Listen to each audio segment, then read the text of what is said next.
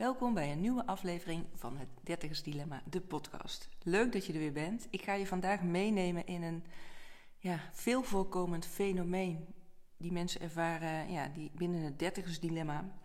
En dat is wel het thema keuzestress. We hebben ontzettend veel keuzes te maken in ons leven. Elke dag, uh, nou ja, eigenlijk duizenden, heel onbewust kiezen we dat.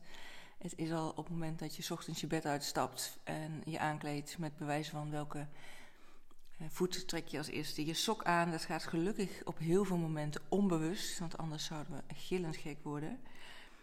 Maar er zijn natuurlijk ook heel veel keuzes te maken waar we wel heel bewust mee bezig zijn.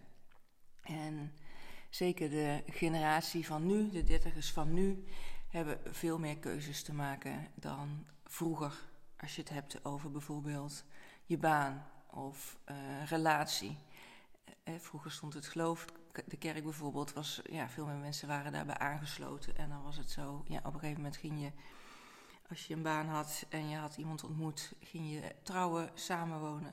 En dan kwamen er vaak kinderen. Daar werd ja, veel minder bewust bij stilgestaan dan nu. Je bleef ook veel langer bij één werkgever. Er waren veel minder mogelijkheden om bijvoorbeeld naar het buitenland te gaan. werd ik vooral gewerkt en veel minder, nou, misschien wel een sabbatical genomen of om te reizen. En dat is natuurlijk nu steeds meer. En dan heb je ook veel meer keuzes te maken. Want waar ga je bijvoorbeeld werken als je je studie hebt gedaan? Als je überhaupt een richting hebt kunnen kiezen van welke studie je wil doen? Of heb je een studie gekozen die algemener is omdat je het nog niet wist? Maar op een gegeven moment komt het punt om wel een soort van kleur te bekennen van waar ga je dan werken. Ga je dan in loondienst werken of voor je ZZP'er eigen baas? Ga je werken of ga je juist eerst reizen? Ga je het combineren? Als je een relatie hebt, ga je al dan niet samenwonen, trouwen of geregistreerd partnerschap?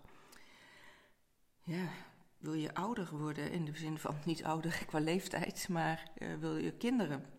En wanneer dan? En en is dat dan te combineren met werk of dat reizen? Want als je het één kiest, um, ja, wat laat je dan misschien wel allemaal liggen of wat kan er dan niet meer? Nou ja, echt wel, het lijkt een luxe probleem, maar het is waar ontzettend veel mensen ja, tegenaan lopen. En waar mensen vooral, ja, wat ze ervaren in die keuzestress is dat er één, dus te veel mogelijkheden zijn om uit te kiezen. Dus dat maakt het alleen maar lastiger. Hè? Nogmaals, omdat je gewoon heel veel ja, ook laat liggen. En wat nou als dat hetgeen is wat beter bij je past. Nou, dat brengt dan weer geanticipeerde angst met zich mee. Dus dat je spijt of een schuldgevoel hebt, omdat je verwacht, eh, of dat, dat ga je verwachten te ervaren omdat je de verkeerde keuze gaat maken. Ja, dat, dat kan mensen gewoon lam leggen. Dat kan maken dat je niet, niet gaat kiezen. Maar door niet te kiezen blijf je langer in die stressmodus. Blijft je lichaam ook steeds meer stresshormonen aanmaken, waardoor het risico op fysieke en mentale klachten heel groot wordt. Dus wat vooral heel belangrijk is, is dat je sowieso een keuze maakt, wat het dan ook is. Op elke keuze namelijk kun je terugkomen, kun je veranderen. Uh, nou, de ene is wel wat makkelijker op terug te komen dan de andere. Want als je bijvoorbeeld gaat voor kinderen, dan uh, ja, die heb je dan hè, voor het leven. Maar dat kan natuurlijk, je kan dan nog steeds kiezen om wel met het gezin te gaan reizen. Het is niet zo dat je omdat je voor kinderen kiest, um, je andere dromen niet meer waar kan maken. Het zal er anders uitkomen te zien. Maar het belangrijkste is, maak een keuze. Want daarmee zul je zien dat er een hoop stress wegvalt en dat je um, ja, verder kan met het leven. En natuurlijk komen er andere momenten weer waarbij je weer keuzes te maken hebt. Um, maar het is wel belangrijk om stappen te zetten. Wat dan ook nog belangrijk is, is om te weten, is dat er ook ja, eigenlijk twee verschillende types zijn qua keuzes maken. Barry Schwartz, een professor in de psychologie, heeft in 2005 een boek geschreven, The Paradox of Choice, en kwam daarin met eigenlijk twee verschillende types: de maximizer en de satisfizer. De maximizer is eigenlijk degene die eh, alles tot op detail uitzoekt in de keuzes die er zijn, die, die alles helemaal uitwerkt. Als je op vakantie gaat, echt helemaal inzoomt van waar ga ik dan op vakantie, wat is het beste, de beste plek, het beste huisje. Um, nou ja, nogmaals, gaat het helemaal tot in detail uitzoeken. Um, en dat lijkt heel mooi, omdat je dan voor perfectie gaat. Het, eh, wat wel blijkt is dat het, eh, nou ja, sowieso kost het heel veel energie. En wat het oplevert is vaak twijfel en frustratie. Want ook al heb je ja, voor jou ook waarschijnlijk op dat moment het meest ideale plekje gevonden. Mensen ervaren sowieso meer stress, omdat ze uiteindelijk op die plek zitten. En alsnog dan gaan vergelijken met, oh ja, maar was die andere plek dan toch niet beter? En het geeft ook een verlammend effect. Dat je eigenlijk liever niet kiest dan verkeerd te kiezen. Mensen zijn vaak ook meer ontevreden, omdat nou ja, ze altijd de twijfel blijven houden of dit wel echt het meest perfecte plekje is. En dat kan gaan over nou ja, een vakantie, maar natuurlijk ook over je baan, over je relatie, over al dan niet kinderen. De andere type is de satisfizer. Dat zijn mensen die eigenlijk ongeveer wel helder hebben waar een keuze aan moet voldoen. Dus wel een aantal ehm, nou ja, voorwaarden hebben. En op het moment dat ze dan iets zien wat uh, grotendeels daaraan voldoet, dan gaan ze er ook voor. Dus het is voor hen ook helemaal prima dat er betere opties zijn. Maar als er iets, nou ja, een keuze of een optie zich voordoet, een mogelijkheid zich voordoet die heel dicht in de buurt komt bij wat ze willen, dan gaan ze ervoor. En wat levert dat nou op? Is dat je die mensen meer ontspannen zijn, ook meer geluk ervaren en meer genieten van hun keuzes, omdat ze gewoon ja, meer tevreden zijn met hetgeen ze hebben en niet steeds in hun achterhoofd houden en hebben van, oh was die andere keuze misschien beter geweest. Uh, je bent nooit helemaal het een of het ander. Er zit vaak wel een combinatie in, maar vaak is er wel een hele sterke voorkeur voor. Uh, nou ja, of je die maximizer bent of die satisfizer. En waar je natuurlijk naar kan kijken op het moment dat je ervaart, nu denk oh ja, maar dat, dat herken ik in mezelf, die maximizer, dat ben ik. Ik zoek alles tot in ten treuren uit en zoom overal op in. Dat je dus gaat kijken hoe je dat wat meer los kan laten. Heb je bijvoorbeeld hey, nog steeds wel een hoge standaard, ben je ambitieus, uh, heb je bepaalde voorwaarden waaraan je werk of relatie moet voldoen of, of die vakantiewoning. Maar ga er op een gegeven moment ook op iets in als er wat op je pad komt, wat heel dicht in de buurt komt. Dan kan je namelijk ervaren in het moment, op het moment dat je ermee bezig bent, in hoeverre het bij je past.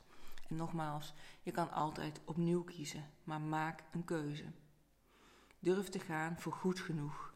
En niet dat je altijd het allerbeste wilt, want ja, uiteindelijk het allerbeste, omdat je zo perfectionistisch ingesteld bent, zul je gewoon nooit bereiken. En misschien kies je dan wel een keer het verkeerde of mis je wel eens iets. Maar ja, het is dan zeker wel een gegeven dat je naar alle waarschijnlijkheid wel een gelukkiger leven leidt. En ja, dat is denk ik uh, ontzettend belangrijk gegeven. Want je leeft niet om uh, in spanning te zitten en te twijfelen en je zorgen te maken van heb ik nou wel de goede keuze gemaakt? Nee, het is ervoor om vooral te genieten van het leven, mooie en leuke dingen te doen. En dus ook letterlijk, ja, misschien wel af en toe in dat diepe te stappen en ervoor te gaan, zodat je je leven kan leven in plaats van jezelf dingen te onthouden omdat je denkt dat het nog niet goed genoeg is. Wat daarop nog een aanvulling is, is dat we in deze maatschappij vooral leren om keuzes te maken met ons hoofd. Zoals je misschien wel vaak hoort, wordt er vaak gezegd van weet je het wel zeker, denk er nog eens over na. Terwijl eigenlijk we onze keuzes helemaal niet zo maken met ons hoofd. We kunnen dingen heel erg rationaliseren en beredeneren, maar in ons lijf zit zoveel opgeslagen aan alle prikkels die we overdag opdoen. En dat is ook eigenlijk hetgeen waarmee we keuzes maken. Misschien ken je het wel dat als jij een keer op huizenjacht bent geweest en je wilt, uh, ja, je hebt op papier gezet wat voor jou het meest ideale huis is. Drie slaapkamers, een badkamer, tuin op het zuiden, dicht bij een school, dicht bij het centrum, dicht bij een vliegveld. En dan heb je een huis gevonden, op papier in ieder geval, wat aan al die voorwaarden voldoet. Dus eigenlijk jouw ideale woning. Op het moment nou dat je daar binnenkomt, ja, kan het zo zijn dat je op het moment dat je die drempel overstapt, dat je aan alles voelt in je lijf, dit is het niet. En het is niet uit te leggen, want op papier kun je alle vinkjes zetten van alle voorwaarden die je had gezet. Je had gezet. Dus er zullen ook mensen zijn in je omgeving ja, die echt niet snappen waarom je zegt dat, het, dat dit niet je woning is. En de valkuil is dat je het daarna met je hoofd weer gaat wegberedeneren. En dat je weer voor dat lijstje gaat zitten en denkt: ja, maar dit is toch mijn perfecte woning. En dat je dus aan je gevoel voorbij gaat en misschien toch die woning koopt. Nou, wat je dan heel vaak zal zien, zal merken, is dat het niet jouw woning is.